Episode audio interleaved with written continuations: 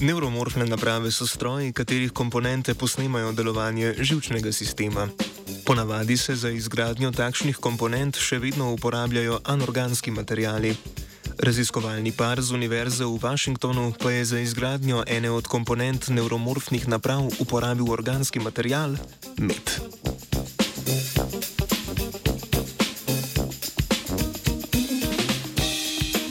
Med nevronoma imenujemo sinapsa.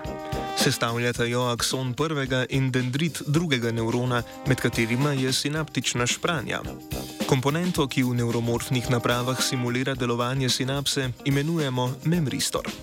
To je elektronska komponenta, ki omejuje električni tok. Njeno ime izhaja iz besed memory in resistor. Ideja memristorja je, da lahko podatke ohrani tudi brez električnega toka. Memristor domnevno ohranja informacijo o količini naboja, ki je šla skozi.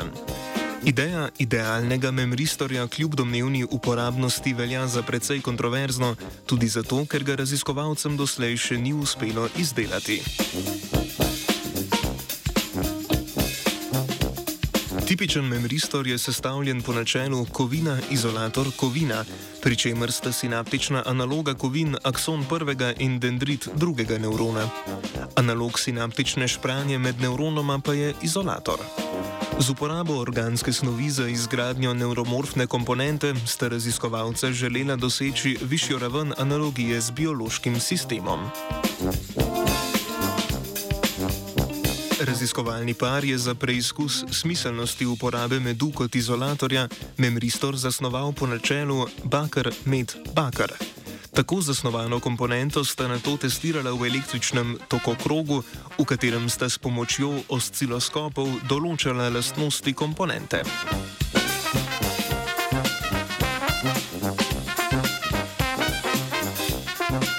Raziskovalni par je ugotovil, da je z medenim memristorjem možno posnemati lastnosti sinaps, ki omogočajo prilagoditev moči sinaptične povezave.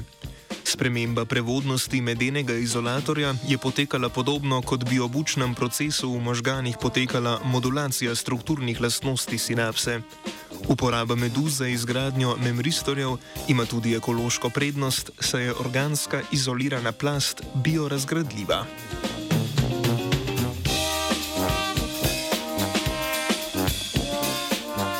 Da med ni le za očaj, je odkrival žiga.